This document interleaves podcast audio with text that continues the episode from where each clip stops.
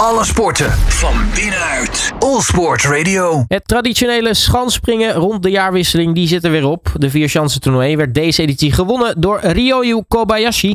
Die zijn derde eindzege pakte zonder notabene een van de schansen te winnen. Ik ga erop terugblikken met Krijn Schuitenmaker, commentator van dienst bij Eurosport. Krijn, hele goedemiddag. Goedemiddag, hoi. Want dat was natuurlijk wel een, eh, een, een mooie verrassing. Ja, je kunt ook een competitie winnen eh, zonder daadwerkelijk een van de wedstrijden te winnen. Ja, precies. En uh, dat had hij nog niet eerder gedaan. Kobayashi werd trouwens op alle vier de schansen werd hij tweede. Dus hij is echt wel uh, gemiddeld genomen de beste. Dat deed hij echt uh, verre van dat. Verre, was echt uh, fantastisch. Uh, verre van ja, ideaal natuurlijk om een keer niet te winnen. Maar uiteindelijk wel al die keren tweede worden. Dus uiteindelijk is hij wel de beste. Want hij is gewoon gemiddeld genomen. Ja, zijn concurrentie heeft hij eigenlijk afgetroefd. Hè? Dat heeft hij uiteindelijk met 24,5 punt verschil gedaan. Dus wat dat betreft ook wel mooi dat Kobayashi dat een keer op deze manier deed. Overigens de eerste keer toen hij de vier schansen tournee won. Dat was in 2019. Toen won hij ze alle vier. Dus zo won hij ze dus uh, alle, alle, op alle vier de schansen en nu alle vier niet. Het is, heeft ze beide eens een keer meegemaakt. Maar ja, ik, normaal gesproken kan ik me wel voorstellen als je telkens, uh, telkens tweede wordt, dat je daar niet heel blij van wordt. Maar goed, als je dan uiteindelijk de eindzege pakt, ja, dan heb je natuurlijk wel op je naam staan. Ja, en uh, die, kijk, die Japaner vind ik altijd een beetje moeilijk te lezen. Hè? Als je hem ziet, weinig emotie op zijn gezicht. Het is een beetje een coole kikker. Ook als hij wordt geïnterviewd is er altijd een tol bij. En dan, uh, ja, dan moet je maar afwachten wat er van de vertaling uh, overblijft. Uh, het is een beetje een coole kikker. En hij, ik denk dat hij er toch wel heel erg blij mee was hoor. Het was ook wel leuk trouwens. Want uh, voor Egner Granerud, de man die hem vorig jaar won. Ja, dit seizoen uh, totaal niet in vorm, uh, die, die, die rijdt ook die gouden adelaar die na de laatste etappe, na de laatste halte in Bischofshoven, als het daar is gesprongen, dan is de prijsuitreiking en die mocht dan worden uitgereikt door Granerud aan Kobayashi. Dus dat was wel erg mooi. Nou, Granerud, je zegt al, hij was niet in vorm, maar ja, notabene, hij kon zich niet eens kwalificeren voor twee van de vier schansen.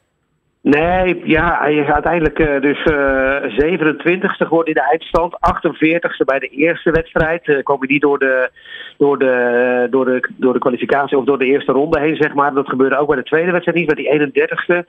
Uiteindelijk herstelde hij zich wel een beetje. 16 en 7. En ik heb hem horen zeggen, tijdens, volgens mij was het de tweede wedstrijd. Nou, het resultaat was niet gewenst, maar het gevoel komt wel weer terug.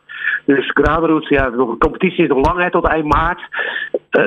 Nu dan nog, dus Graanroute is wel weer een beetje op de weg terug. In ieder geval voor zijn gevoel. Maar goed, uh, ja, uiteindelijk 27e is toch wel een teleurstelling in de vierschansen tournee.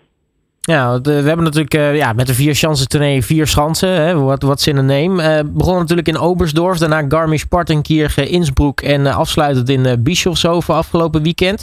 wat dat betreft, Oostenrijk was wel nou ja, feest voor de Oostenrijkers. Want nou, beide schansen werden gewonnen door een Oostenrijker. Jan Hurl won in Innsbruck en uh, Stefan Kraft ja. in uh, Bischofshofen.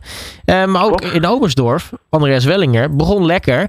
Um, uiteindelijk ja, pakt hij dan, omdat hij dan net niet lekker gaat in, in Oostenrijk, ja, wordt hij dan tweede achter, achter Kobayashi. Ja, twee keer vijfde werd hij op die twee Oostenrijkse schansen in Innsbruck en Bischofshofen. Uh, het verval kwam een klein beetje al naar die tweede wedstrijd hè, in uh, Garmisch-Partenkirchen. Toen werd hij derde, was de schade nog wel beperkt. Uh, Wellinger, die nog wel inderdaad er goed voor stond op dat moment. toen was eigenlijk Kraft een beetje afgehaakt. En toen zou het gaan tussen Kobayashi en Wellinger. Maar uiteindelijk is het verschil toch wel groot geworden. Want Kobayashi werd gewoon twee keer tweede en Wellinger op de twee schansen in Oostenrijk twee keer vijfde. Dus dat is toch wel een fors verschil inderdaad. Ja, dan werd de, de tweede nog uh, gewonnen door uh, Anzelanicek, de, de Sloveen. Ja, als we die, die vier schansen nou even op, op een rijtje zetten, hè, de, de wedstrijd althans. Wat, wat viel jou nou het meeste op?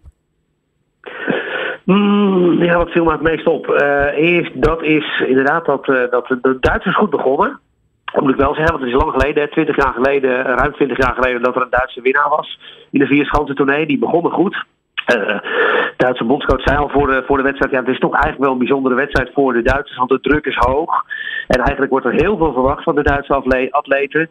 En toen begonnen ze uitstekend met uh, Andreas Wellinger, uh, die eerste werd en derde op de Duitse schansen, uh, en Garmisch-Partenkirchen. En dan denk je van, nou, het is toch wel weer een kans dat Duitsland het eerste schansentournee zou kunnen gaan winnen voor het eerst sinds 2002. Dus dat was wel opvallend. Uh, ja, en dan uh, een heel constante springen van Ryoyo Kobayashi. Uh, dat eigenlijk toen al zichtbaar was. Die gewoon op al die schansen tweede werd. Dus dat was wel een opvallend ding. zonder één wedstrijd te winnen werd hij gewoon de winnaar van de vier. Maar het goede begin van Duitsland. ja, wat opvalt is natuurlijk ook dat de Polen en de Nooren toch wel zijn afgehaakt. Als je nu naar de ranglijst kijkt, dan is de beste Noor Marius Lietsvik op een negende plaats. En de Polen die helemaal uit vorm zijn, uh, hadden gelukkig nog Camille Stoch die de schade een klein beetje beperkt hield. Met een vijftiende plaats en uh, Piotr Jua op een zeventiende plaats. maar ja, Polen heeft niet meegedaan, Noorwegen heeft niet meegedaan, Duitsland heeft dus wel meegedaan. En uiteindelijk is er een Japaner die, die met de eindzegen vandoor gaat. Dus het was wel op zich wel een hele bijzondere editie van de vierschansen toernooi. Nou, gelukkig voor de Polen gaan we nu natuurlijk uh, richting Polen. Hè. We hebben Wiswa, uh, uh, Schrik en Zakopane nog, nog te gaan. Ja. in, sowieso in dit, dit World Cup seizoen. in ieder geval voor januari. Ja, maar wat klopt. misschien ook opviel is Carl Geiger. die, die won natuurlijk in, in Klingentaal dit, dit seizoen. die, die had het ook niet echt heel erg lekker tijdens die vier chansen. Nee, klopt, inderdaad. Nou, misschien is dat toch weer een beetje de druk. Hij is veertiende geworden uiteindelijk. Begon nog best redelijk met een zevende plaats. Duitsers die er goed voor stonden. Uh, Karel Geiger, uh, daarna 16e op nieuwjaarsdag. En vervolgens twee teleurstellende wedstrijden met de 26e en 25e plaats. Dus, uh, ja, die kon eigenlijk niet bolwerken. En ik denk na die tweede wedstrijd, waarin die zesde was geworden, dat het dan toch een beetje ja, allemaal tegen zit. En dan zit je in zo'n vier schansen tournee. Er is natuurlijk ook, uh, je moet pijlsnel weer op een nieuwe schans in vorm zien te komen. Hè? Dus het is normaal gesproken, zit er een paar dagen tussen. Je kan dus trainen op een schans met van hetzelfde type. Al die vier schansen zijn natuurlijk anders. Um, nu heb je uh, op de dag van de kwalificatie twee officiële trainingssprongen. Dan de kwalificatie. Vervolgens is er nog een proefstrom op de wedstrijddag. En dan de wedstrijd. Dus je moet eigenlijk pijlsnel uh, weer dat goede gevoel in de benen hebben op een nieuwe schans weer. En ik denk dat, uh, ja, dat de Duitsers dat allemaal niet uh, voor elkaar hebben gekregen om, uh, om, ja, om te kunnen pieken op het juiste moment. Ja, die zullen zich dus weer moeten, moeten gaan herpakken. nou ja, Vier Chances is relatief in het, in het begin van het seizoen natuurlijk. net iets voor de helft. Betekent dat er nog een heel gedeelte van de World Cup aan zit te komen. Waar, waar kijk jij nog echt naar uit?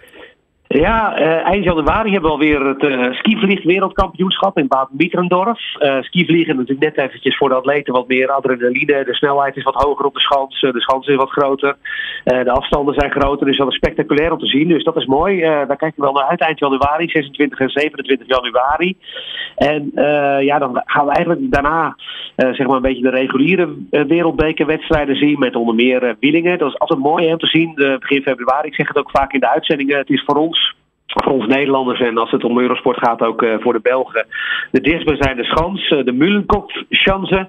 Op een prachtige locatie in het Sauerland, vlakbij Winterberg. En uh, ja, dat is echt mooi om, als je een keer de gelegenheid hebt, is dat wat mooi om daarheen te gaan. Want het is gewoon echt een beetje tialf in het kwadraat, zeg maar. Zo'n skispringwedstrijd. S morgens om 9 uur gaat de biertap al open, heb ik het idee. De braadworsten worden dan al gebakken. En het is gewoon de hele dag feest. En ja, dat is echt een, een aanrader. Maar daarna gaat het zich verplaatsen naar Amerika. Amerika, naar Lake Placid. En naar Sapporo, Japan. En dan komen nog een heel aantal uh, uh, wedstrijden aan in Noorwegen, Oslo, Trondheim, Vikersund. Dus er zit nog wel heel veel moois aan te komen. Maar goed, ooit in de gelegenheid om naar Willingen te gaan, dan zou ik dat zeker aanraden. Om dat doen. Ook in de zomer trouwens is die schans een mooi uitkijkpunt over de omgeving. Want het is, uh, als je bovenaan zo'n schans staat, fantastisch gezicht. Want het, staat, het is echt hoog. En als je dan helemaal op dal in kijkt, is dat, is dat geweldig. dus dat is een aanrader. Maar goed, ik kijk, ik kijk uit naar de skivliegen. En ook aan het einde van het seizoen natuurlijk weer de skivliegen. Dus er zit wel nog heel veel moois aan te komen deze wereldbeker. Nou, zet hem in je agenda, de gouden tip van, uh, van Krijn. Uh, mag ik je hartelijk danken voor je tijd. En uh, nou ja, dan spreek je snel weer. Tot snel. Alle sporten van binnenuit. All Sport Radio.